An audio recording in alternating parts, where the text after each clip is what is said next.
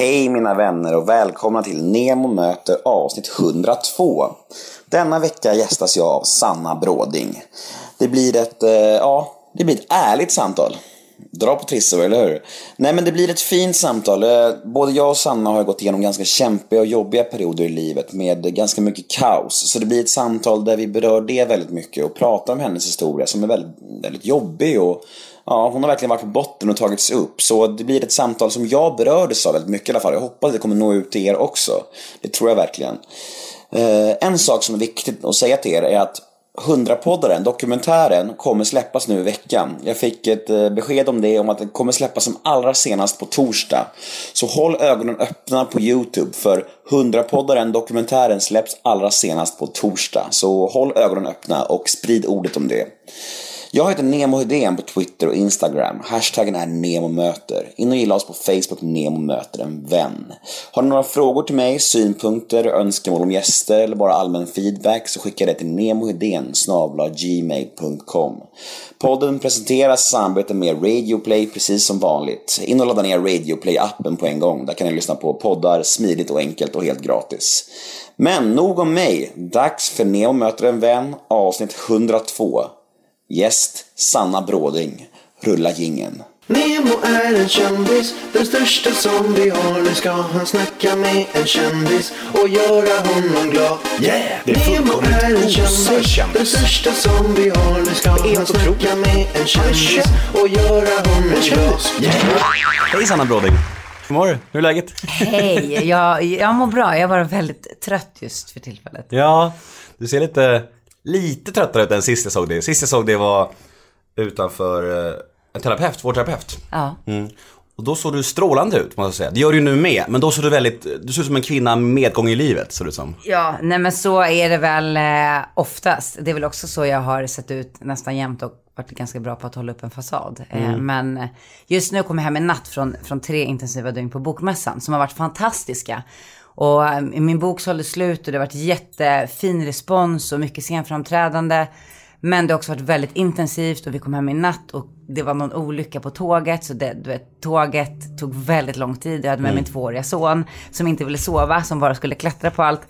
Ja men du, så när jag väl kom hem i natt, eh, du vet, höggravid med en, en, en vagn, två väskor, ryggsäck och så här upp för alla trappor och kände så här, jag, jag orkar inte, jag måste få sova. Och då visste jag också att snart ringer klockan för jag ska upp och, och jobba igen.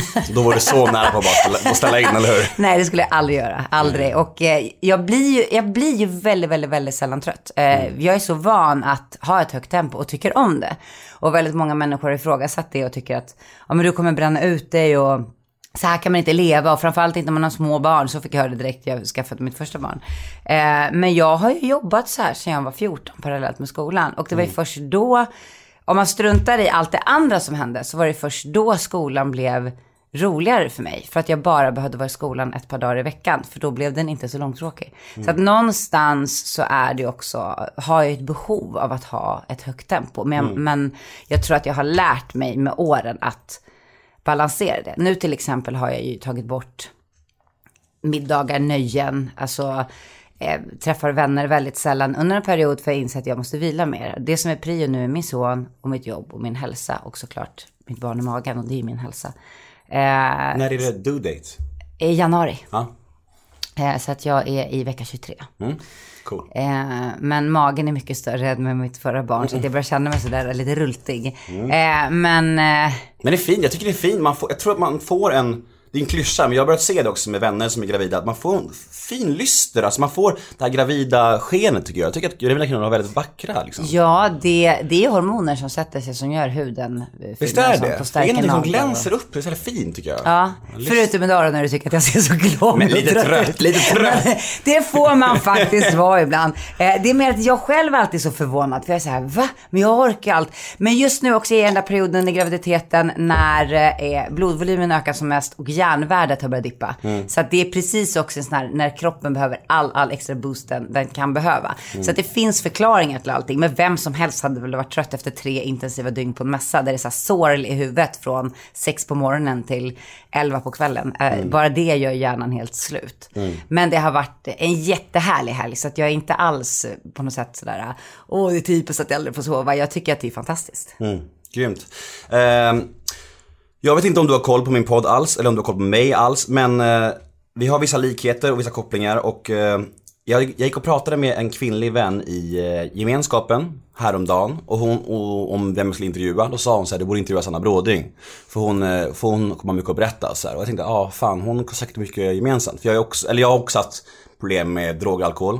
Jag har varit nykter och drogfri i 14 månader nästa vecka. Helt. Eh, och, eh, så jag kommer fråga lite om det. Och, det- och det hoppas jag är okej. Jag frågar vad du vill. Jag svarar och säger när jag tycker att det, det går över någon gräns. Det fattar jag. Men jag har, en, återkommande grej i den här podden är att jag har många gäster som är så öppna beroende liksom. Det har varit många av de här, ja, i princip alla offentliga svenska människor som är beroende på något sätt har varit med.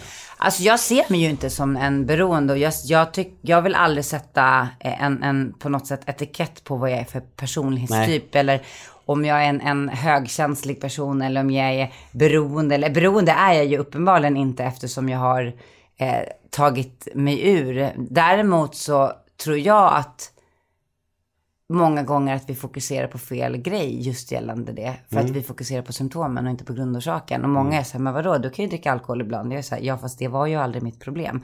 Det var ju en flykt jag hade för att jag flydde från någonting. Och när grundproblemet var, eller, ta, vad heter det? Eh, när jag hade tagit tag i grundproblemet, det har jag nu är jag lite trött i hjärnan, så hade jag ju heller inga behov att fly. Och då blev det ju ingenting som blev skadligt längre på det sättet. Eh, så jag tror att det beror ju på lite så här hur man har använt allting och vad det är som var liksom, för mig var ju min anorexi grundproblemet hela tiden. Som jag aldrig tog tag i. Eh, så det är nog det som jag om det skulle vara någonting som jag skulle ha lättast att falla tillbaka till så är det nog till ätstörningar. Men, men jag Ja. känner ändå rätt lugn. Jag har i alla fall märkt det sen jag blev clean från alkohol och droger. Att jag blir så här, mina flyktvägar tar ju andra vägar liksom. Jag, första halvåret så åt jag extremt mycket godis och glass och jag åt typ så här sex glassbåtar om dagen en period. Det var helt bisarrt. Och nu har jag börjat träna, träna jättemycket. Du vet, fly in i det som går att fly in i lite grann. Som en person är jag. Är det något du kan känna igen dig i eller har du?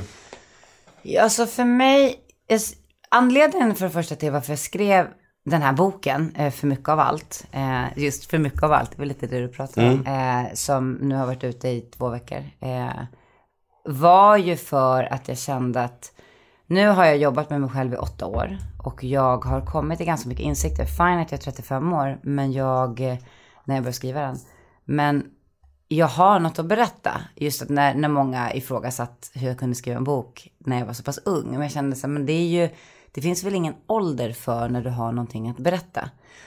Eh, för då hade jag kommit till vissa insikter och hittat vissa nycklar som jag kände att nog många kunde ha ett behov av eller få någon typ av igenkänning eller tröst i att läsa. Just hur alla de här vägvalen, boken är skriven väldigt mycket som en dominoeffekt genom mitt liv och alla de här vägskälen varför det blev som det blev. Just för att det jag vill framförallt lyfta upp det är just att det finns ett varför, det finns en anledning till att vi hamnar där vi hamnar. Och för mig var det, tror jag, som jag ser det nu, väldigt mycket min känslighet ända sedan jag var liten. Som jag såklart bär på fortfarande och håller på att lära mig att hantera. En, en extrem öppenhet, en, som att jag saknade ett filter som många andra eh, har. Eh, så att allt gick rakt in i mig. Jag kände på mig hur människor mådde och jag eh, fick väldigt mycket meddelanden i drömmar och jag kände på mig energier i rum och jag tog på mig väldigt mycket för jag ville hela tiden vara medlan och jag var mellanbarnet hemma och jag ville hålla samtalen flytande. Så att jag, jag liksom försökte balansera och hålla upp allting. Till det hörde också att jag hade ju då en väldigt stark inre röst och redan, redan som väldigt liten pratade väldigt mycket med mig själv och kände så starkt vem jag var in, i min själ, alltså inuti mig. Och jag ville klä mig så som jag var, alltså färgglatt och, och mycket roligt och lekfullt. Så som jag, jag har exakt samma smak idag som jag hade som femåring. Eh, så att barnen på min sons förskola uppskattar ju väldigt ofta hur jag, hur jag klär mig, men det är väl typ dem. eh, men det gör mig inget idag. Men som barn så var det ytterligare en del som, som kom till. Att alltid få höra att att jag var annorlunda. Alltså, men Sanna, du är, du är inte normal. Du är inte som oss. Så här, hur, dina föräldrar måste ha bytt bort dig på BB för de är så lugna. Hur kunde du bli så här? Och just den här känslan också, men jag tycker att mina kläder är fina. Varför tycker ingen annan att jag är fin? Det här är ju... Det, det var, jag var så sann gentemot vem jag var istället för att försöka passa in i den senaste trenden. Osvenskt. Ja, men det var, det var så starkt och är det fortfarande. Eh, för att någonstans vill jag säga, det här är jag och ni får vad ni ser. Lite så. Så att för mig var det en massa olika delar. Men, men sen när jag slog igenom och blev så känd, så pass ung, redan som 14-åring, när jag fick rollen som Tanja i Tre Kronor, så blev det... Den blev väldigt populär den, den rollen och jag hade inte förväntat, eller jag hade liksom aldrig tänkt på den delen. För för mig var det bara så, åh jag ska få jobba med det kreativa. Jag har spelat teater sedan jag var sex år, det var, jag höll på att skapa konstant och nu skulle jag få jobba med det. Inte, jag hade liksom inte riktigt en tanke på att nu kommer folk känna igen mig eller nu blir jag känd på köpet. För det fanns liksom inte, det var inte det jag fokuserade på. Så det kom som en ytterligare chock och helt plötsligt så förföljde folk mig på stan och jag fick inte gå ensam på stan och vi fick ett hemligt telefonnummer och, och jag fick säckar med beundrarpost och, och och i skolan så var det både människor som ville vara med mig bara för att och människor som snackade skit bakom ryggen. Och helt plötsligt blev det så här, men vem är på riktigt? Och i allt det vill jag också visa mina föräldrar att jag räckte till och att jag minsann klarade att jobba samtidigt som jag gick i skolan. Och jag ville visa kollegorna på jobbet att jag var en skådespelerska. Och där blev det, för mig också som är så känslig och var, var så känslig redan då, det blev för mycket. Jag kände att jag ville prestera, jag ville visa alla att jag, jag dög och räckte till. Och det blev för mycket att hantera. Så att där någonstans så, så gjorde jag det som är enklast för en 14-15-åring. Och jag började kontrollera ta kontrollen tillbaka från en okontrollerbar situation. Och då gjorde jag det genom maten och genom min kropp som är väldigt enkelt att ta kontrollen över. Och en av de, liksom, Eh, det enklaste när man är så pass ung, när det inte fanns tillgång till alla, eller för de flesta, så alkohol och droger och tyngre saker som inte ens fanns i min värld. Och det är inte heller att det, det, det vet du ju själv, det är ju ingenting du bestämmer dig för en dag, att du var såhär, åh nu ska jag supa ner mig och bli, bli neddekad. Eh, och precis som jag, det jag bestämde mig inte en dag för att bli smalast i världen eller eller svälta ihjäl mig. För det handlar ju väldigt sällan, nästan aldrig om att passa in i ett kroppsideal. Det är det här, det finns en väldigt skev bild av ätstörningar. Utan det handlar väldigt ofta om att ta tillbaka kontrollen.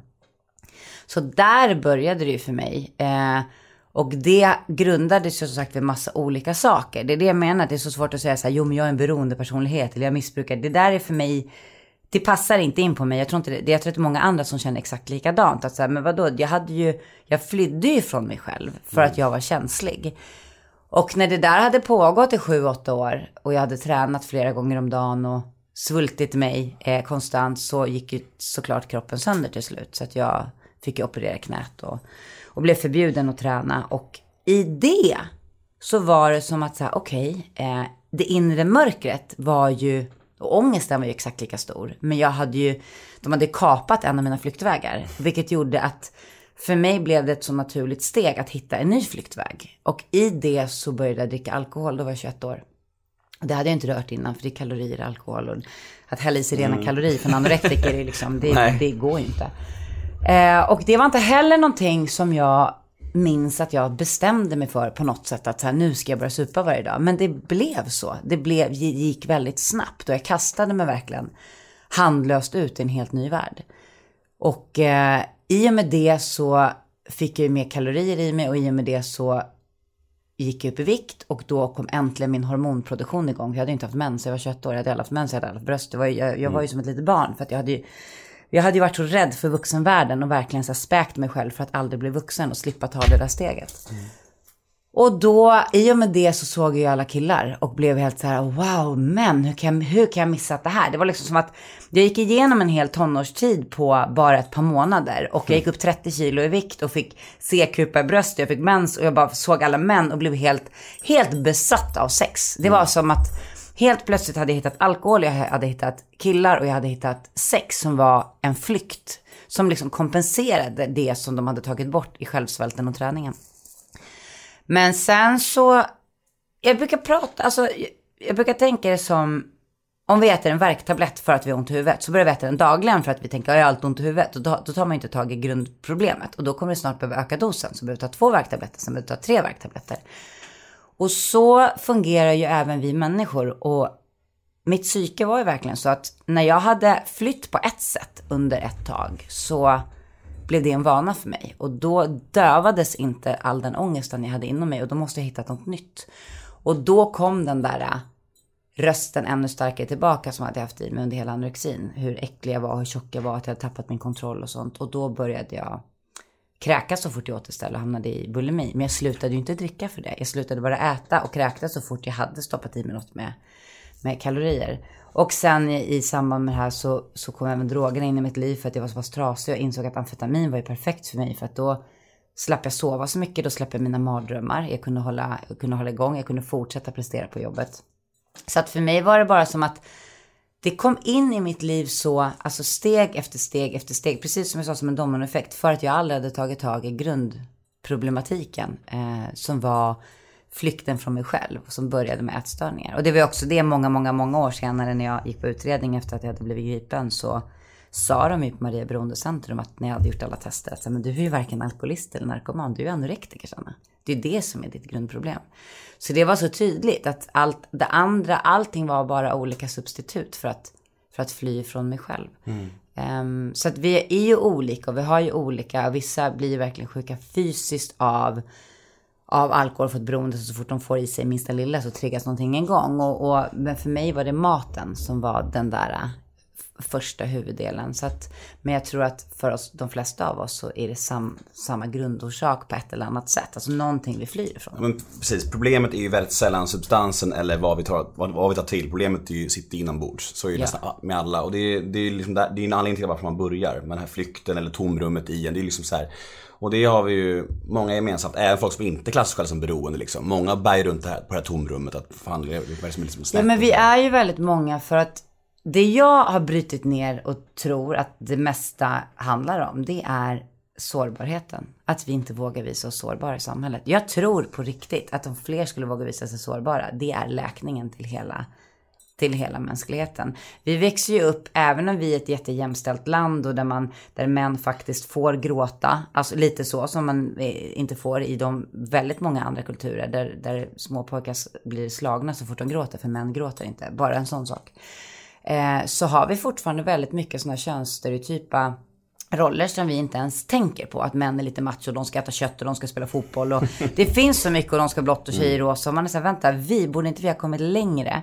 Och i allt det där så är det ännu mer eh, inte okej för en kille att visa sig sårbar. Och det är det som visar sig väldigt många utåtagerande för män i allt slagsmål och fylla och hur de så här skiter i sina barn eller hur hur, de, de, eh, ja, hur det blir mer och mer kriminalitet och vapen och droger och allting. Det är en flykt. Medan tjejer också kan hamna där, men väldigt många agerar inåt och slår på sig själva och skär sig och svälter sig. Men, men så att tjejers beteende syns inte alltid lika tydligt utåt, men väldigt många av oss mår precis lika dåligt. Så jag tror att om vi skulle våga visa oss mer sårbara så, så är det en av nycklarna, precis när jag pratar om grundorsaken. Alltså precis som att i dagens samhälle när vi går till läkaren så kan man gå dit med eksem på armarna och så får man kortisonsalva och sen så fortsätter man där kortisonsalvan resten av livet för eksemen går aldrig bort. Istället för att börja tänka sig, men vänta, varför får din kropp eksem? Vad är det i din kropp som inte mår bra? Och att gå till grundproblematiken. Och lite så är det ju för hela mänskligheten i hur vi fungerar. Och det var väl någon insikt jag fick när jag valde att skriva den här boken. För att om det är det här jag kämpar för, att våga vara sårbar, så måste jag någonstans också vara en av dem som går i bräschen för. Jag kan ju inte säga, men alla måste våga visa sig sårbara och sen så bara, fast jag vågar inte öppna mig själv. Jag är stark. Ni kan vara sårbara. Nej, så att då kände jag att hur läskigt den har varit, för det har aldrig funnits ett självändamål för mig att skriva en bok om mig själv. För det, är det någonting som är liksom det värsta i hela grejen så är det att lämna ut sig själv så naket och osmickrande som jag faktiskt gör. Men jag insåg att med, med den erfarenheten jag har av min, min hittills relativt korta livsresa så kände jag att jag har ett ansvar att, dela med mig och då kan jag använda mig själv som ett verktyg för att någonstans försöka belysa hur det är att vara människa. Inte försöka lära någon någonting för jag har själv så himla långt kvar. Men att ändå eh, få många att känna så här, shit jag är inte ensam. Allt det där som jag gick och bar på. Jag trodde att jag var helt ensam för ingen pratar. Vi får höra redan från att vi är små att så här, Nej men hälsa inte på främlingar och berätta inte att pappa dricker hemma och håller familjehemligheter tysta. Har du blivit våldtagen? Är du så obekväm? Prata inte om det. Allt det, så här, vad är det för samhälle vi lever Varför ska vi inte prata om det? Varför ska vi bara prata om hur roligt vi hade på vår födelsedagsfest eller så här, vilken trevlig middag vi hade men inte hur ledsna vi var när alla hade gått för hälften var för fulla och pappa hade dragit. Alltså det är så här, det är så konstig grej.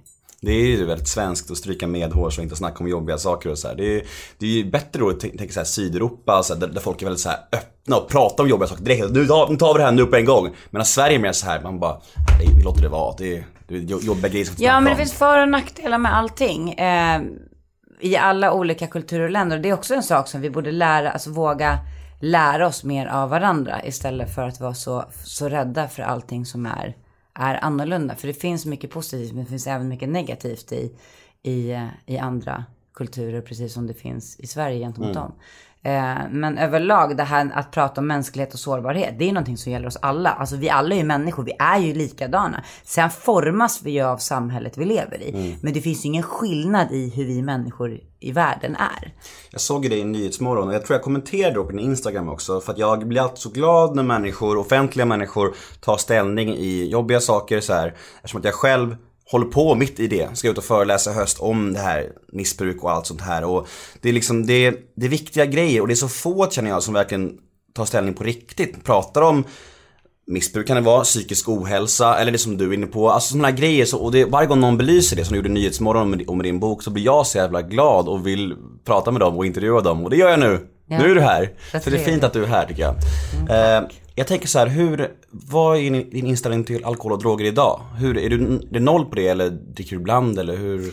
Ja, nu dricker jag inte för nu är jag gravid. Och när, sen jag fick barn så har det ju varit väldigt lite överlag. Eh, men, eh, ja, och droger finns ju såklart inte i mitt liv. Eh, eller såklart ska jag inte säga, men det, det är jag glad att det inte finns. Eh, men, eh, men alkohol, jag har druckit vin ibland. Jag slutade helt med starksprit när jag blev, alltså efter jag fick barn. För då kände jag så här, jag gillade whisky förut, men det har jag inte druckit mer. För där kände jag att Eh, där går min gräns. Men jag slutade i, under en väldigt lång tid efter att jag blev gripen när jag jobbade med mig själv. Innan jag förstod vad, vem jag var och vad mitt grundproblem var. Eh, för att jag levde väldigt rent och slutade med, med socker och alkohol och koffein och nikotin och alltså införde rutiner och Eh, var väldigt sådär. Jag gick upp klockan fem, jag åt vid en viss tid, såg till att jag inte kräktes och att alla hade koll på mig att jag åt. Alltså, för det var en lång resa tillbaka för att vänja mig att hålla en, en, en normal livsstil. Där är jag ju inte idag, men, eh, ehm, men däremot så känner jag inte att jag har haft ett behov än att helt sluta med alkohol. Utan jag kan dricka vin ibland på middag, men jag har inte varit full eller berusad på många, många år. Liksom, Men när du, när du dricker, då känner du inget mer begär och så här? Nej. Nej. Ja men då är du nog inte en beroende.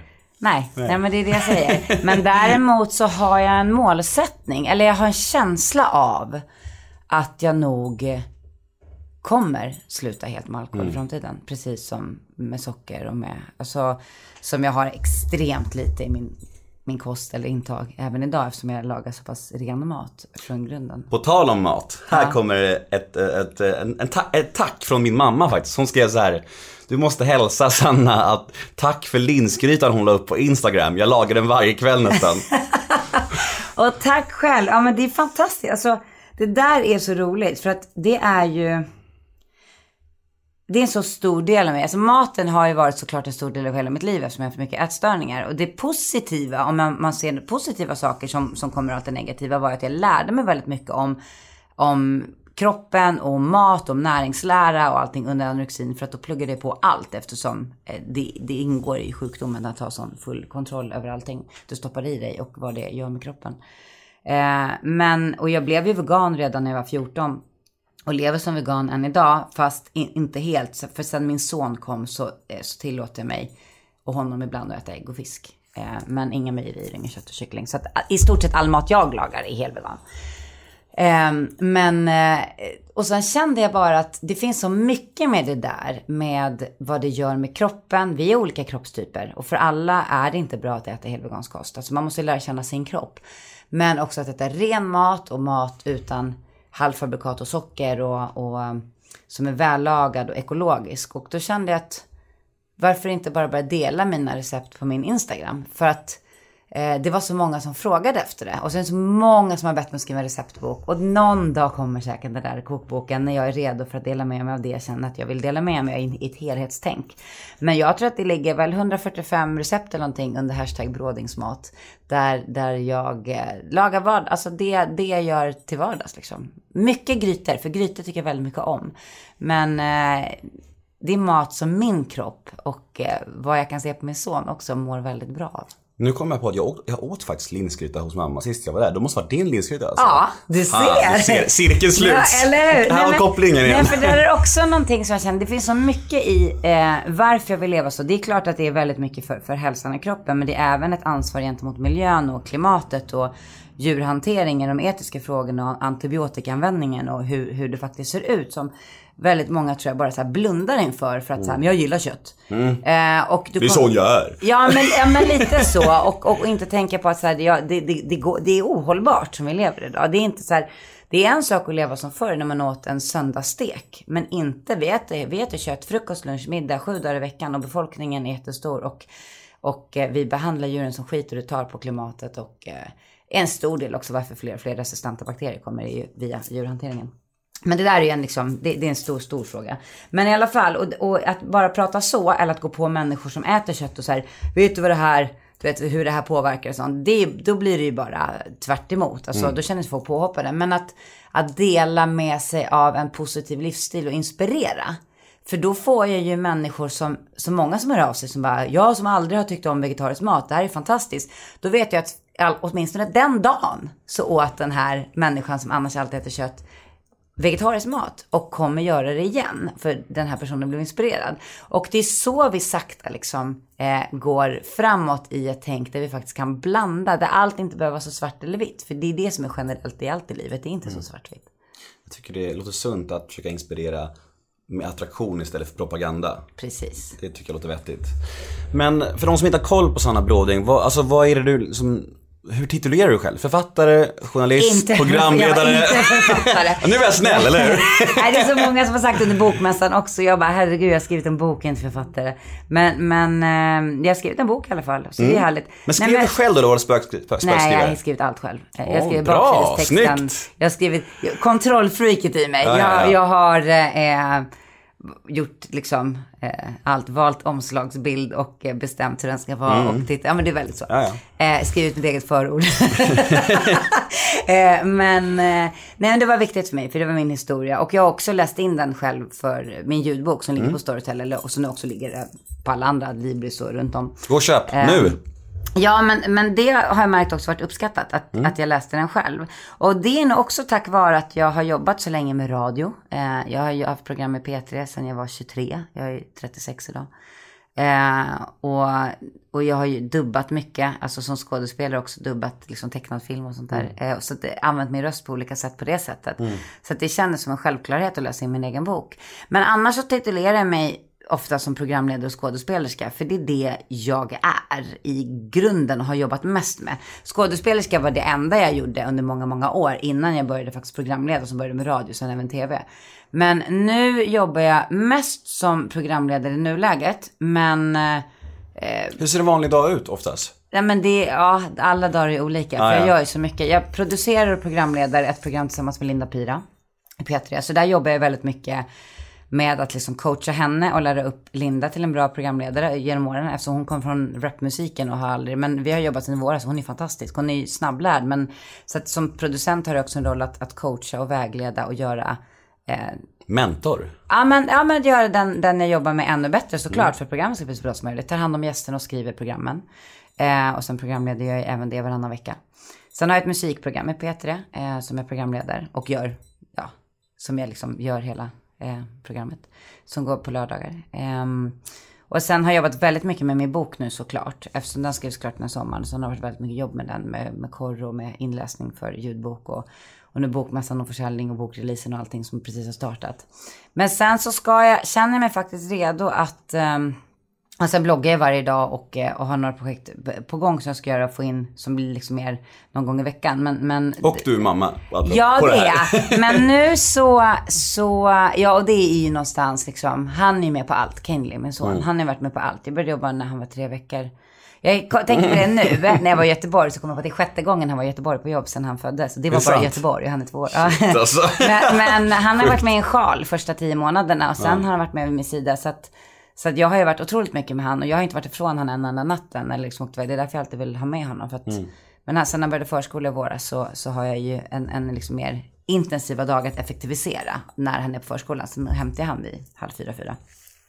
Men nu ska jag ju tillbaka till skådespeleriet igen som jag har låtit ligga lite på is. För att när jag jobbade, eller när jag, ja, när jag jobbade så mycket och när jag mådde så pass dåligt och bara pressade mig själv så insåg jag till slut att den här kanalen som jag hade haft så självklart i skådespeleriet, den här kreativa kanalen, egentligen till allt, den stängdes. Alltså jag tror att det är väldigt svårt att vara kreativ när du mår dåligt. För det är någon typ av öppen kanal till till ditt känsloliv. Och, det- alltså det är ju det är svårt att beskriva. Men jag, jag kände att när jag stod på scenen eller när jag spelade in långfilmer eller vad det än var så gjorde jag bara vad regissören sa. Och till slut så tyckte jag inte att det var kul för jag blev inte bra.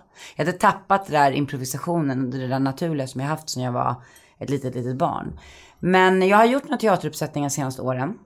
Bland annat Maximteatern och Hamburg Börs och sånt. Och känt att så här, sakta kommer det tillbaka. Mer och mer och mer. Och nu är jag redo. Efter jag skrev min föreläsning förra året som jag haft. Ja det gör jag också, jag föreläser. Men det gör jag i, i, ibland. Och eh, då när jag skrev den och ställde mig på scenen så började det där, jag kände att nu är det tillbaka. Alltså det börjar komma tillbaka. Och det var fler som såg det. Så att nu eh, ska jag precis börja repa in en, eh, en föreställning tillsammans med Östnudgen som har premiär 16 mars på Rival i Stockholm som åker på Sverigeturné med sen i mars-april. Spännande. Eh, som är en föreställning som, eh, en, en enmansföreställning som Öss regisserar, men som är med utgångspunkt i min bok och min historia, men som blir såklart ännu mer liksom, Öss kommer nog få fram en del humor eh, i mig, för det vet jag att jag har, men det behövs också i, i liksom allt. Men det ska bli väldigt eh, härligt att få göra det. För det är också en grej jag haft som skådespelare. Ska säga, en dag ska jag en monolog, en dag ska jag en egen föreställning. Det är en sån här, någonting jag måste checka av. Och då är det härligt att kastas ut och starta med det nu när jag känner mig att jag vill vill komma tillbaka en del skådespeleriet och börja bli mogen för det. Men ehm, så det känns, det känns jättespännande och kul så vi ska precis börja repa. Eh, så att det är, eh, det är rätt mycket, men det, det går ihop. Allt går ihop och sen får eh, även det, det nya barnet hänga med på turnén. För det föds ju en månad innan premiär. Det är perfekt, så snart kommer du gå med två barn runt allt, allt det här jobbet. Ja men det är härligt, så är man- min mamma med och ibland min pappa. Så att, och ibland liksom Kaelins pappa. Så det känns, eh, det känns väldigt bra. Man tänker ju ändå så att när någon får barn så brukar deras liv ändras radikalt, men ditt liv har inte ändrats så mycket känns det som. Nej men det där har jag aldrig, på ett sätt har jag aldrig förstått det. Eh, samtidigt så förstår jag om du har ett jobb där du måste vara på ett kontor 9 till 5, då kan du inte ta, ta ditt barn med. Så jag har, ju, jag har ju förmånen att ha ett jobb som jag faktiskt kan ha med mitt barn ganska mycket på. Även om han inte kan vara med i studion eller uppe på scenen. Men då har jag ju alltid haft, mina föräldrar är fantastiska och de vill ju vara med. Så att han har en jättenära relation till mormor och morfar. Vilket jag bara tycker är ett plus. Och har, har varit väldigt noga med även om de inte skulle varit med på jobb från dag ett. De var på BB en kvart efter jag föddes typ. Eller jag födde. För att jag tyckte att det var, det är så viktigt med, med, med bra relationer över generations liksom, gränser. Eh, det har vi för lite av här i Sverige tycker jag. Eh, just att man umgås över liksom, alla olika åldrar och inte blir så sig blind på ålder. Men sen så tycker jag att jag bara ofta tänkt på att varför det är så många som ser barn som en, en börda på något sätt. Alltså det är väldigt många som bara, jag har inte tid för mig själv och det här och, och det är så jobbigt, jag får aldrig sova och, och vet, min, min partner är iväg och tränar flera dagar i veckan och ska vara själv på kvällarna. Och jag säger, men gud varför ser du bara det negativa? Jag har varit själv, alltså jag har varit själv med min son eh, i stort sett hela tiden. Men eh, han, det, är alltså det finns inte en enda gång jag tycker så här, gud vad jobbigt, jag önskar att jag hade mer tid att träffa vänner. Och, för att det finns tid för allting. Men han är liksom som en förlängning av mig. Och det är så mycket roligare att göra allt med honom. Jag tror också väldigt många minimerar barn till att vara barn. Istället för att se det som en individ. Alltså, barn är så kloka. Och barn är så öppna. Och de tycker om, i de flesta fall, att vara med på det mesta bara för att vara nära sina föräldrar. Eh, och jag vet att så många sa till mig, åh är det så viktigt för dig att börja jobba, du kommer stressa ditt barn och barn ska inte ha så många intryck. Och jag menar, han har varit hur, han är, han är väldigt aktiv precis som jag, men han är ju väldigt lugn och trygg. Och det syns ju på förskolan. Jag har fått bekräftat av pedagogerna där. Och jag känner liksom att nej. Var, varför, alltså en människa. Varför ska det stressa honom att vara med på grejer? Det är kul för honom att vara med. Så länge han känner sig trygg och inte förvirrad och lämnad någonstans i någon sån här konstig miljö. Ehm, så jag tycker bara att det är, det är bara någonting som har gjort livet ännu roligare. Han har ju fått mig att också spegla mig själv en hel del och tänka efter hur jag vill, vem jag vill vara för honom och hur jag vill vägleda honom i livet. Och det är mycket tack vare honom som jag tog tag i och faktiskt skrev en föreställning och sen senare en bok. För att någonstans, någonstans insåg jag än en gång att här, jag, vill, jag vill vara en bra förebild för honom. Jag vill visa att jag inte är perfekt utan att jag är en bra människa. Men det innebär inte att vara perfekt utan det innebär att jag är den jag är på grund av allt jag har gått igenom och varit med om. Och det är ingenting jag ska skämmas för. Och det är allt det där jag någonstans vill, vill förmedla till honom. Och då känns det fint att få göra det här när han är liten så att han lär känna hela mig och ingenting ska vara tabu att prata om när han växer upp. Har han eh, någon relation med sin pappa? Ja, de har jättebra relation. Mm, grymt. Eh, har du någon relation med pappan? Ja, vi är bra vänner. ja, det funkar. Tror du det är viktigt för barn att ha en fadersgestalt i livet? Ehm, både och. För att familjer idag ser så olika ut. Och eh, jag tror inte att ett enda barn tar skada av att de har Ehm, blivit inseminerade i Danmark utan en pappa men med en väldigt kärleksfull mamma och en familj till henne. Eh, att ett barn har två pappor och två mammor eller ett barn bara har en mamma eller bara en pappa eller både och. Mm jag tror att vi har lagt lite för mycket värdering i det för att det här, så här ska det vara. Hur många är det inte som har haft en pappa som istället bara skadat dem eller som har varit frånvarande eller svikit dem. Det är, ja precis, du räcker upp handen och med tanke på Piro och Bråding som jag gör, eh, där vi pratar om livsförändrande historier så är det kanske 90% av de gäster vi har haft som hamnat snett som eh, det gemensamma är deras, deras pappa. Eh, och det är rätt skrämmande. Sen finns det ju extremt många fantastiska pappor, så det är inte det jag menar. Eh, men jag det är ju jättehärligt och jag, det är klart att jag hade önskat att, att eh, vi hade hållit ihop en kärnfamilj, för att det var så min tanke var från början. Men jag tror också att så länge ett barn inte blir sviket, för det är sveken som tar allra mest, utan vi har haft väldigt mycket att jag har bott med min son och sen har, har hans pappa kommit dit väldigt ofta och så det är alltid kul när pappa kommer, lika som när mormor och morfar kommer. Det är klart att rel- relationen till pappa blir annorlunda än till mamma eftersom det är jag som är dygnet runt med honom och sätter alla regler. Men, men det blir ju aldrig ett svek att pappa inte är där eller att så här, nu har han lämnat oss igen, utan det, blir, det är bara något roligt. Ehm, och med åren nu så har deras relation bara blivit bättre och bättre och bättre och bättre. Så att, och det, jag märker det, det finns ingen, ingen ledsamhet i om, om Kainley vaknar och frågar vad är pappa om han inte är där. Och är så här, han är inte här. Han bara, ja, för det är vi, alltså grunden är att här bor mamma och Kainley.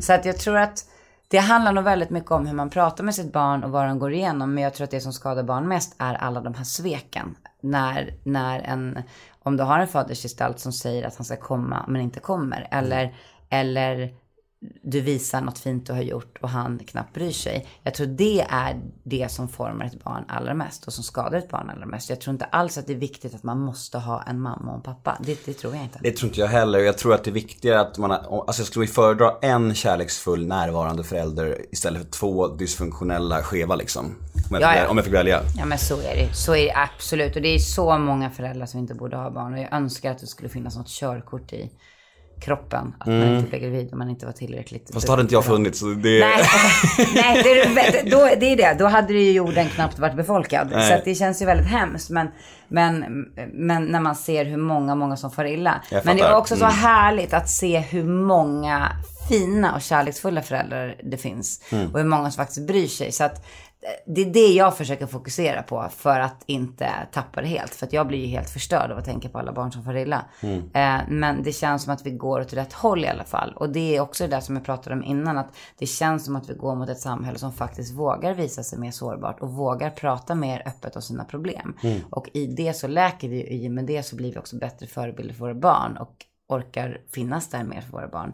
Så att allting hänger ihop. Barnen är alltid de som drabbas när en vuxen inte har tagit tag i sitt inre krig. Så är det ju. Fint. Ja, det här med, eftersom du gått igenom så mycket tänker jag i livet så här, även uppgångar och nedgångar och alltså problem med droger, alkohol, mat, allt, allt möjligt så här. Nu idag när du känns så pass fridfull och harmonisk som du ändå gör tycker jag, alltså när mår du som sämst idag? Vad mår du riktigt dåligt av idag liksom?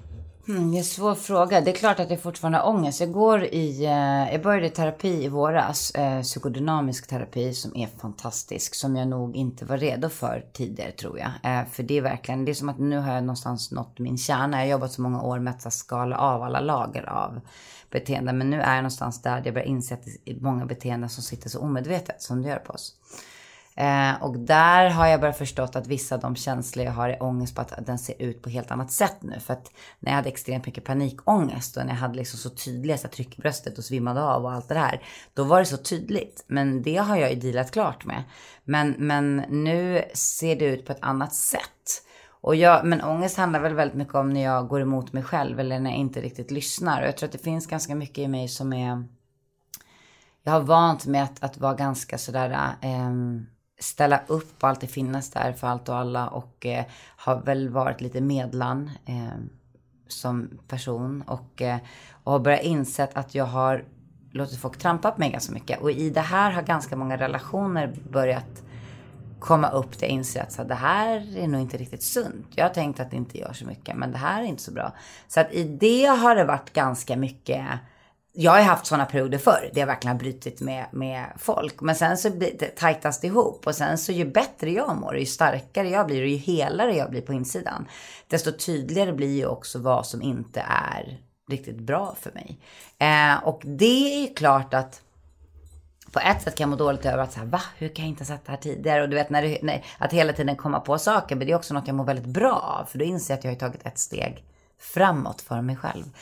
Men annars, jag mår väl mest... eh, Men det är väl det, jag mår väl sämst när jag märker att jag, att jag har gått emot mig själv. Eller låtit någon annan gå emot mig själv. För att det känns mycket tydligare nu. Och det är ju dubbelt precis som jag sa. För att i och med att det känns tydligare nu så blir jag också glad för att jag märker att jag står upp mer för mig själv. Det betyder att jag börjar stärka min självkänsla. Jag faktiskt känner att det här är inte okej för mig. Jag har en gräns här.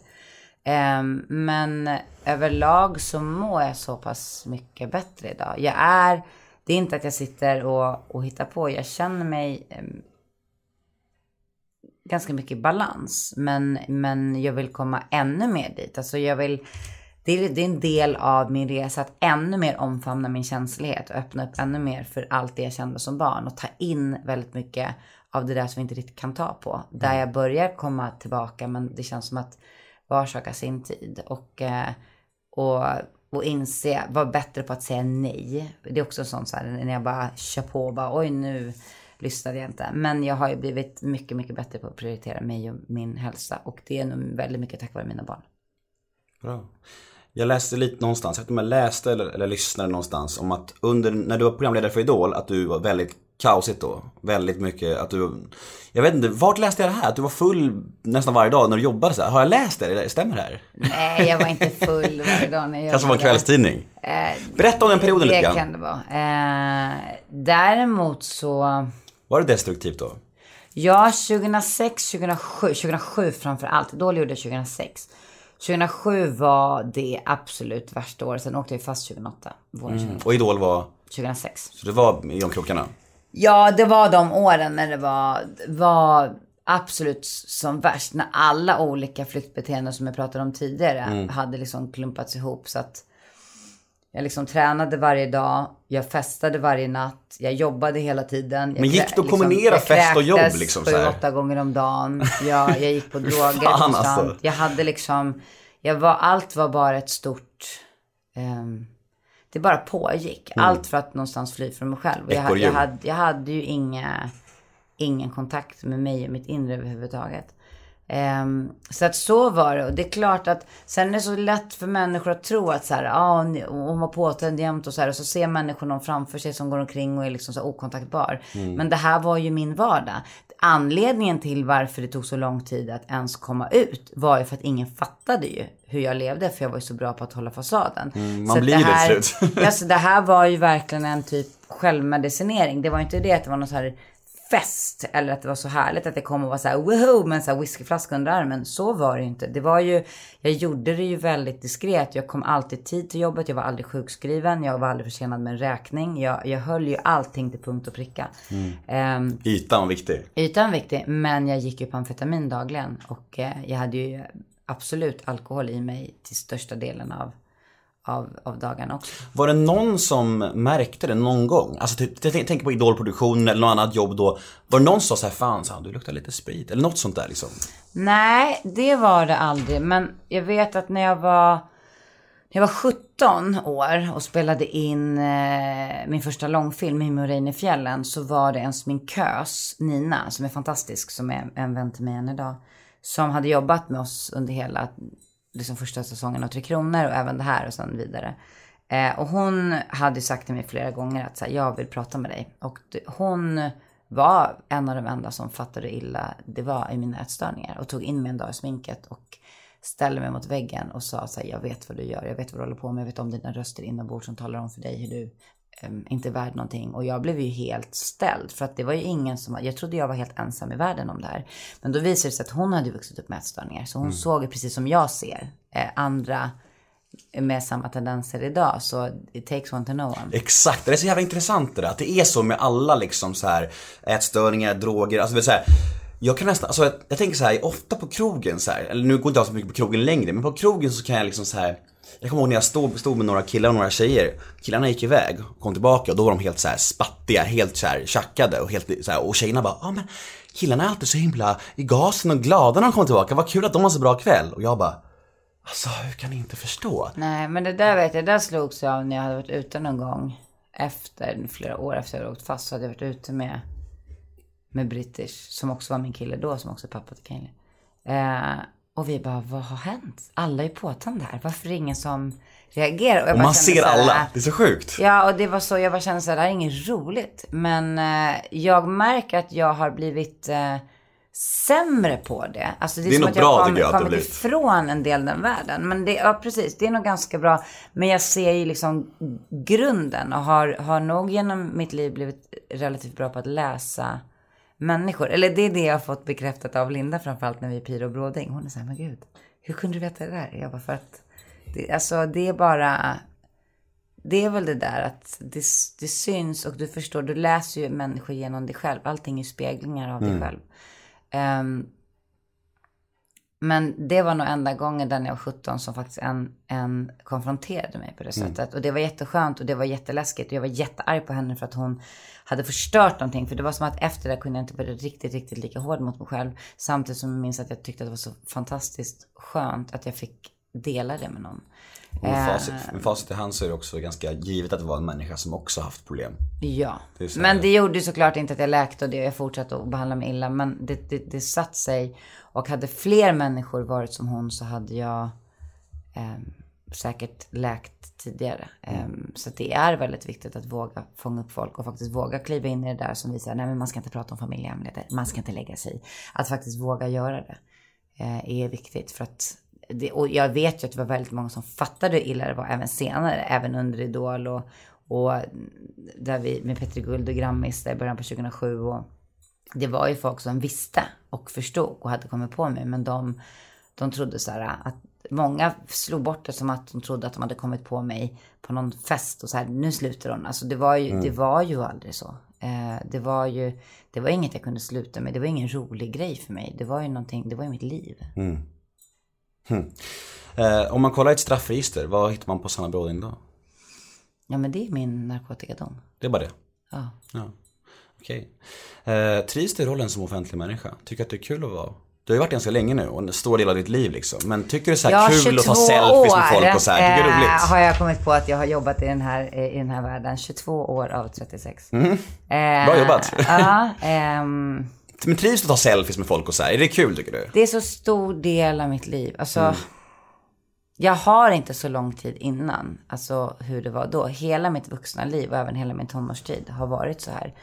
Och eh, det började så extremt. Det dessutom, som jag sa, inte kunde gå ensam på stan och där det var liksom katastrof och förföljelse och stalkers, folk som skulle gifta sig med mig och det var ju helt och liksom säckar med beundrarpost varje vecka. Så att det känns som att... Är det sant? Det är helt sjukt. Ja. Men, men, men jämfört med det så har jag liksom aldrig, eh, aldrig någonting riktigt eh, toppat det. För sen blev det annorlunda. Alltså klimatet i Sverige var annorlunda i mitten på 90-talet. Hur, vi hade inget internet, vi hade inte vi hade inte sociala medier. Det som gick på tv blev så stort. Alltså, Eh, men sen är det klart att det varit perioder när jag, jag, när jag gjort saker som, så här, som ICA-reklamen eller eh, när jag gjorde Lukas Moodysson-filmen eller jobbat med Idol och sånt där som väldigt många tittar på eller blir väldigt omtalat.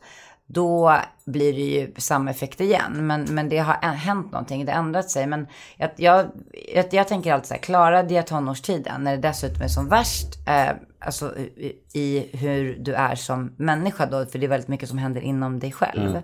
Och dessutom den liksom bommen utan att bli divig eller tappa det på något sätt. Eh, så, så klarar jag nog det mesta. Så jag tror att, jag tycker att det är väldigt viktigt att eh, jag tror också min, eller min räddning, jag har aldrig heller känt mig som en, en offentlig person på det sättet. Jag har alltid valt att umgås med väldigt många människor utanför min bransch. Jag har inte behov att bara umgås med kollegor eller du vet sådär.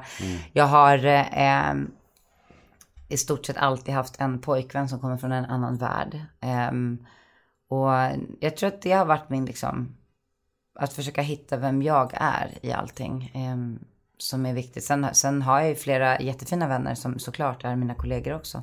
Men, men det, är liksom, det har aldrig varit någonting som, som jag identifierar mig med. Att jag är en offentlig person. Jag tänker inte på det på det sättet. Men du är inte sån som ringer till Rish till exempel och använder ditt namn bara för att få ett bord och så. Nej, Nej. det ska jag aldrig göra. Jag har ett segment som heter ett ord om. Det går ut på att jag ser fem offentliga människor i Sverige.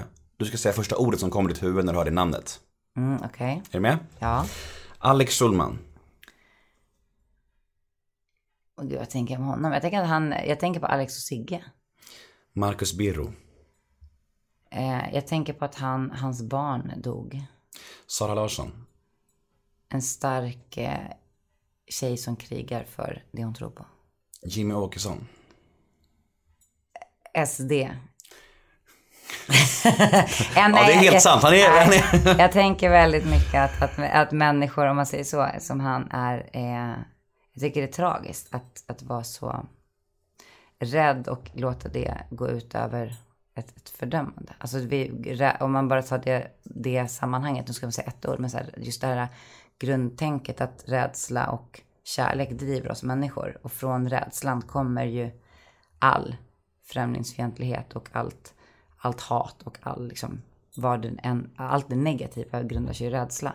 Och det, det, jag vet inte, jag kan tycka att det, jag, jag kan nog tycka att det är tragiskt att vara, att prata öppet om, om allt ifrån liksom homofobi eller bara så här mot pride och allt det som har varit. Och eh, även om de nu säger att det inte är så. Och, eh, och döma människor så, så hårt utefter, nu pratar jag inte bara om honom, nu börjar jag prata om hela det tänket liksom. Eh, och jag tycker det är tråkigt att vi går mot tider över hela världen som är, när man ser mer och mer av den rädslan. Istället för att, för att börja prata om hur vi kan ta tag i ett problem med flyktingströmmar och hur vi kan ta tag i ett problem med att människor är segregerade eller och det, det skrämmer mig. Men det har inte, absolut, det är inte, det är inte liksom han som står för allting. Men, men om jag skulle, om någonting som dyker upp så är det den här känslan av rädsla. Som är, jag tycker är rätt skrämmande. Ett ord om bytte namn till 200 ord om. Jag kan ju aldrig prata, men det är för att det är så svårt. Det är okej, det är okej. Ja, Du får eh, det, är helt lugnt. Vi har ja. tid på oss. Sista namnet, Leif GW Persson. Ja, då tänker jag på, på frukosten på Gothia Towers det var. För jag så, åt frukost i samma matsal igår som honom. Är det så? Mäktigt! Blev du starstruck? Eh, nej, nej. Men jag, jag eh, såg honom. Det, alltså, vi bodde ju alla på bokmässan på samma hotell, mer eller mindre. Så att det var ju väldigt många eh, folk jag kände där. Honom känner jag inte, men jag såg honom när jag gick förbi. Och eh, han är en skön prick. Eh, jag, jag, jag gillar honom. Mm, han är härlig. Eh, veckans brev lyder så här. Hej Sanna, jag har följt dig i många år och tycker om dig väldigt mycket. Men jag vill att du ska berätta om din absolut värsta drogupplevelse. Har du någon sån specifik händelse som du minns som? Ja men gud vad intressant för att jag gästade precis eh, min vän eh, Josefin Crafoord i hennes eh, eh, podd. Eh, jag gör eh, väldigt sällan sånt men just nu har jag gjort det två på en vecka. Och då frågade hon mig exakt samma sak. Är det sant? Ja, eh, och då... Och hon var mer ute då efter någon så här, ah, du vet när det varit som värst och mest fest och sånt. Och jag var så här, nej men sånt, alltså det är klart det finns sånt. Men det är inte vad jag, det första som dyker upp i mitt huvud är en, en upplevelse som var den natten när jag hade bestämt mig för att sluta helt med droger. Och hade som vanligt varit vaken i ett par dygn. Och eh, åker hem till mina föräldrar. Det är efter att jag blivit gripen. Eh, för att allting kommer ju inte av, alltså det finns ju ingen quick fix. Det, saker förändras ju inte över en natt. Det är inte som att bara för att jag gick ut ur häktet så var det så här, nu ska jag leva ett sunt liv. Men det kom ganska snabbt för att jag insåg att det här är ohållbart. Men då så hade jag min enda och första riktiga hallucination. Som var... Det var liksom som mitt hejdå till drogerna på något sätt. Det är så konstigt för det var ju inte som att den gången var värre liksom kroppsligt för, för mig fysiskt än någon annan gång. Det har ju varit många andra gånger som är värre. Men det var som att det så här, jag fick det här för att jag också, så här, som ett hjälp på vägen för att så här, jag ska inte hit igen. För att få motivation till att verkligen säga farväl till Ja, det tror jag. Eh, och det var när jag låg i sängen hos mina föräldrar precis skulle sova och började höra att det låter under sängen. Och det, jag hör att det är som insekter. Jag bara, vad är det? Det låter som syrsor. Och jag brukar alltid tycka att det låter så vackert med syrsor. Alltså just på somrarna och sommarängar och sånt. Men det här var inte vackert alls. För det var som att det började verkligen välla upp någonting under min säng. Skräckfilm. Och sen så, ja verkligen. Och det var mörkt i rummet. Och sen så hör jag bara som att de tar avstamp. Och så flyger upp en hel svärm bredvid mig. Eh, bredvid, under sängen upp, upp på mig. Och det är lika verkligt som att det här glas vatten står framför mig. Alltså det är, jag hörde dem, jag kände vingslagen, jag kände liksom luften från dem. Eh, de, de flög upp och, och det var, det var så här jätteöronbedövande när de bara flög upp, alltså en hel svärm. Jag ser det fortfarande i mitt inre. Och de började krypa på mig i sängen. Eh, och jag, jag, alltså jag skrek för att det var så, det var så, jag var så här, vad är det som händer? Eh, det var så konstig grej som hände i hjärnan och då kom min mamma in springande till mig. Eh, och sen så eh, fick jag en, en panikångestattack. För på den tiden hade jag väldigt mycket sånt. Det var min liksom så här, och sen så däckade jag för det tar så extremt mycket på kroppen. Det ligger och krampar och så. Eh, och det är den sjukaste upplevelsen i samband med droger. För att då var, då förstår vi liksom hur mycket det skadar oss och skadar vår hjärna och vad det gör med oss. Alltså, jag blev väldigt berörd av den här historien för att jag, jag har haft en psykos i mitt liv. Eller man kan kalla, jag vet inte om man ska kalla hallucination och psykos, det är, ungefär, det är ganska lik, liknande. Men jag tänker att om du var så generös med din så ska jag berätta min om det är okej. Ja, gör det. Eh, Det var för drygt två år sedan, också i slutet på min drogkarriär. Eh, Så hade jag varit vaken några dygn och eh, Drogkarriär. Ja, det var ett skönande ord för det. Det var ingen karriär kan jag säga. Det var ganska tragiskt och trasigt. Men i slutet på den i alla fall så, skulle, så hade jag varit vaken några dygn och var hemma. Det var typ en tisdag morgon tror jag. Min tjej gick till jobbet, jag satt och skrapade tallrikar. Så glamoröst var det i slutet kan jag säga. Och hon gick till jobbet, hon var helt, eh, hon var ganska medberoende så hon bara, hon bara, hon var ganska uppgiven liksom så här. Hon gick till jobbet och jag satt där och skrapade tallrikar. Lyssnade på musik och så här. Det var, lite- jag hade kanske ett halvt, halvt gram kvar eller någonting. Helt plötsligt, jag lyssnade på musik, jag lyssnade på, så här, jag lyssnade på Maroon 5 tror jag. Eh, och helt plötsligt så hör jag att alltså, sången blir mörkare. Alltså han blir nerpitchad så här. Och jag bara, vad fan är det som händer? Jag bara, shit. Så jag, så jag messar min tjej och jag bara, alltså älskling, alltså är stereon trasig? Alltså han sjunger mörkare på stereon. Hon bara, gå och lägg dig för fan, gå och lägg dig. Jag bara, ah vadå, vadå? Så jag går till tvn, slår på tvn så här, det är How I Met Your Mother på. Så då är det Barney som pratar och så han pratar också mörkare. Jag bara, vad är det som händer? Varför är allt, varför är allt nerpitchat överallt? Jag blir så här, shit, håller jag på att bli galen? Jag springer ut på gatan, i mjukisbyxor, bara överkropp, springer till lokala ICA och säger till tjejen i kassan så här, Hörru, du måste prata med mig, jag måste höra om din röst är mörk eller ljus. Hon bara kollar på mig. Alltså vad är det med dig? Vad, vad, vad pratar du om? Jag bara, alltså vad är det som händer? Och då, alltså, alltså förstår du hur rädd den här tjejen blev? Det springer in en man och ber henne att prata, för ska se om hon pratar mörkt eller ljust på lokala Men ICA. hur gick det över? Alltså jag sprang hem då och jag grät och jag fick sån panik. Jag bara, vad ska jag göra? Då hittade jag en eh, lugnande tablett eh, och tog den, somnade, sov i två, tre timmar och när jag vaknade så var det borta. Men jag har aldrig varit så rädd i hela mitt liv. Och man kan ju tycka att en sån grej borde fått mig att liksom aldrig mer prova droger. Men det gick två dagar, sen var jag påtänd igen. Det sägs så mycket om hur sjukt det här, mitt beroende var. Det var så här. Jag var, jag var så att det kunde vara hur illa som helst. Sen gick det några dagar, så bara, äh, jag känner mig lite, det var nog var så illa ändå. Så där höll jag på liksom flera år. Men nu är det borta. Ja, det var jättehärligt. Ja, var det en hemsk historia? Nej, det tycker jag inte. Alltså jag har ju, det, alltså i alla år som, som, ehm, jag själv inte mådde så bra så drogs jag ju också såklart till människor som inte mådde så bra. Och allt det jag har varit med om och allt det jag har sett under de åren och alla människor som har dött ifrån mig. Eh, det är hemskt att, att under en, en period få lite liksom, konstiga tankar eller du vet när hjärnan inte har sovit på länge. Det är, alltså jag tror att mina gränser för vad som är hemskt har flyttats fram ganska mycket. Jag tycker det är fint att vi båda delar med oss av avskräckande exempel. Så att, för jag vet att jag har många lyssnare. Det har blivit så senaste tiden, så jag var så öppen med mina problem. Att jag har många lyssnare som har problem och går igenom så här. Antingen supande och knarkande föräldrar eller egna problem med alkohol och droger. Så det är fint att vi drar lite avskräckande exempel tycker jag. Hur är din relation själv till döden? Är du rädd för döden? Det är klart jag inte vill dö.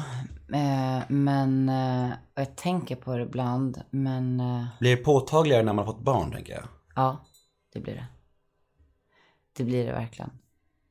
Nu, och det blir påtagligare också hur jag har behandlat mina egna föräldrar när jag fått barn. Och som jag har, det, det, en, det som, är det någonting jag ångrar så är det också vad de har fått genomlida på grund av mig. Hur mycket jag försökte skydda dem. Eh, genom att försöka ha så lite kontakt som möjligt och allt det där. Som jag också hade med nära vänner. Men det är klart att de tog skada för de förstod att jag inte mådde bra. Så allt det där. Men döden, jag är väldigt... Eller för mig är det så självklart att det här är ett av liven. Att vi reinkarnerar så att vi, det finns flera. Alltså det finns andra världar och jag har ju en sån öppning för det och haft det redan sedan jag var barn. Så för mig känns det så självklart. Så i och med det är jag inte eh, så rädd så. Däremot så, så känner jag att jag vill inte lämna jag vill inte lämna mina barn. Jag vill inte, alltså du vet den sorgen de går igenom då. Att lämna det jag har här. För det är enda gången jag lever som Sanna i den här tiden. I det kan vi åtminstone vara säkra på vad som än händer sen. Ehm, men jag har ju inte varit rädd för att dö eftersom jag har varit så nära att dö och jag har inte brytt mig. Men det är nog också mycket på grund av det som jag känner så här, hur kunde jag vara så? Hur kunde jag inte värdera mitt liv högre? Men eh, det, jag tror också att det var det jag skulle gå igenom för att sitta här idag. Och jag har ju haft ett otroligt skydd som sitter här. Och det är också i allt det där jag känner det här ansvaret med att dela med mig. För att om, om du har gått igenom någonting och fått de insikterna eller överlevt någonting som många andra kanske inte gör eller kan göra om de bara får rätt verktyg så har du också ett ansvar att dela med dig.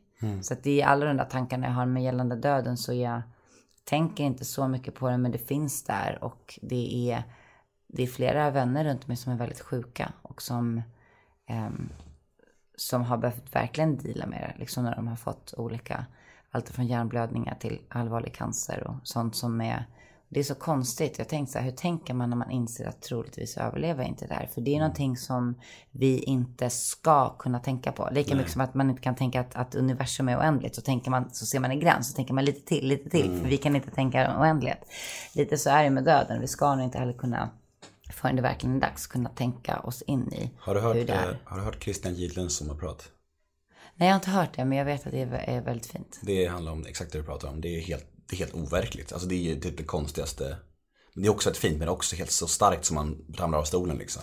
Det är det, för det är, då, det är som att då får man någon öppning till den, den världen. Och då kan man tänka på det, för det ska vi inte kunna göra innan man är så pass nära på något sätt. Så är det. Men är du som en person som googlar dig själv och kollar Flashback och sånt här? Nej. Nej, bra, sunt. Det, det ska man inte göra heller. Nej, jag tar nog, jag tar till mig ganska mycket, eller jag så, det är så onödigt att ta in massa negativa energier i mitt liv om jag inte behöver dem. Alltså, jag vet ju att människor som skriver elaka saker om andra mår ju inte bra själva. Det är där vi har pratat om tidigare med spegling. Och jag vet det och jag känner det så starkt. Och jag vet att en människa som är balanserad och mår bra skulle aldrig ha ett behov av att trycka ner någon annan. Men trots det så så är det klart att det känns i perioder. I perioder är jag starkare och andra perioder är inte det. Men så här, även fast jag vet att jag bara blir ett mål för, för någon, någon ilska eller någon flykt eller någon rädsla för den personen att komma ut så är det fort, känns det fortfarande inte så relevant för mig att läsa det. Varför ska jag göra det? Good point. Men vad, är du fortfarande lika känslig tror du? Alltså jag tänker så här, Instagram till exempel du kanske bara får kärlek. Men om du får något negativt, blir du ledsen då? Eller rinner bara av dig? Jag får väldigt, jag, jag är väldigt ehm, Skonad? skonad från näthat. Och det är fantastiskt. Jag tror att det till viss del handlar om att jag faktiskt är så ärlig i vad jag pratar om. Alltså det är svårare att attackera någon som redan har, som redan har öppnat alla de där delarna själv. Eminem, 8 Mile. Ja, nej men alltså om man redan har berättat om det som är det som många stoppar i garderoben så finns det inte så mycket längre att Mm. Det är så, om man dissar sig själv så kan ingen annan göra det. Nej, men lite så. Eh, men sen så, det är klart jag får ibland. Och är det människor, jag har haft väldigt mycket rasister efter mig genom alla år. Eh, fått väldigt allvarliga hot redan under 90-talet för att jag spelade i Tre Kronor mot Mogge, alltså Tanja och Abby. Eh, och det säger vi ganska mycket om liksom, att de på riktigt kunde tycka att jag skulle dödas för att jag spelade en roll mot en kille, eh, en mörk kille. Känns ju som, ja, det jag orkar inte ens gå in på det där. Men, men, eh, och sånt kan jag ju inte ta åt mig. Jag hade ju ett, ett av de här eh, lite mindre partierna, jag behöver inte nämna namn, som är, är väldigt rasistiska. Eh, de hade ju under ett par år mig som någon typ av så här, det enda de skrev om på sin hemsida var ju mig. Och så fort jag fick ett nytt jobb så hörde de av sig till de cheferna och berättade att jag var en Gambia hora, jag vet inte vad. Och då var jag så här, jo fast min kille är från Kongo, men okej. Eh, och då, då, då kom chefen och bara, tror de på riktigt att du ska bli av med jobbet för att de ska berätta för oss att du är en Gambia-hora? Typ. Eller så här, du vet, jag bara, det är så konstigt. Ja, det eh, så att, så att eh, eh, sånt kan jag inte ta åt mig av överhuvudtaget. Eh, eller om någon säger att jag har fula kläder och sånt, sånt har jag hört jämt. Jag har varit Sveriges sämst klädda så många gånger i Sverige. Så att, också någonting som jag tycker är jättekonstigt att vi överhuvudtaget har i Sverige. Att här, någon ska sitta och tycka att andra är fula. Så öppen mobbning för många tar faktiskt åt sig. Men det där är ju något annat. Eh, men om det skulle vara någonting som gäller mig som person och min prestation eller något liksom att jag sårat någon och, eller om det skulle vara något sånt där. Då tar jag åt mig. För det är ju mer såhär, nej, var, varför har jag liksom inte gjort det bra eller presterat på topp? För det är så viktigt för mig. Men jag försöker att låta det, det mesta rinna av mig och, och bara för, försöka vara så sann och ärlig i det jag gör som möjligt. Fint. Personliga misslyckanden, saker du ångrar. Har du någonting sånt som du kommer på, på så här, top, Ja top det, är, ja, det är ju verkligen, eh, det jag ångrar är ju vad jag har fått mina föräldrar att lida. Det är ju verkligen det enda som jag säger. Jag är väldigt lite för att, att ångra det jag går igenom. För jag inser också att vi har en plan i livet vi har saker vi ska gå igenom. Och jag kan inte se de hindren och prövningarna som ett misslyckande. För det är det som har gjort mig till den jag är idag. Och jag är otroligt tacksam för vart jag är idag. Men det är att jag har behövt skada eller såra och oroa människor runt mig som älskar mig, som mina föräldrar. Det är det största. Men det hade jag inte kunnat haft ogjort. Alltså någonstans om man skaffar barn så får man ju det på köpet. Och jag är ju, tänker ju på det också, vad ska hända? Åh nej. Mm, När mina barn växer upp. Men, men eh, så det är väl, det är det enda jag verkligen direkt är så här, det känns jobbigt. Och det är också en av de delarna som var jobbigast i boken, att gå tillbaka till de punkterna där jag insåg hur ont det måste gjort för mina föräldrar. Det var absolut jobbigast att skriva. Livslång gottgörelse blir till föräldrarna för all oro. Jag har en sån jag med. Så det är bara att försöka vara en exemplarisk barn så länge de lever. Ja. Eh, sista frågan.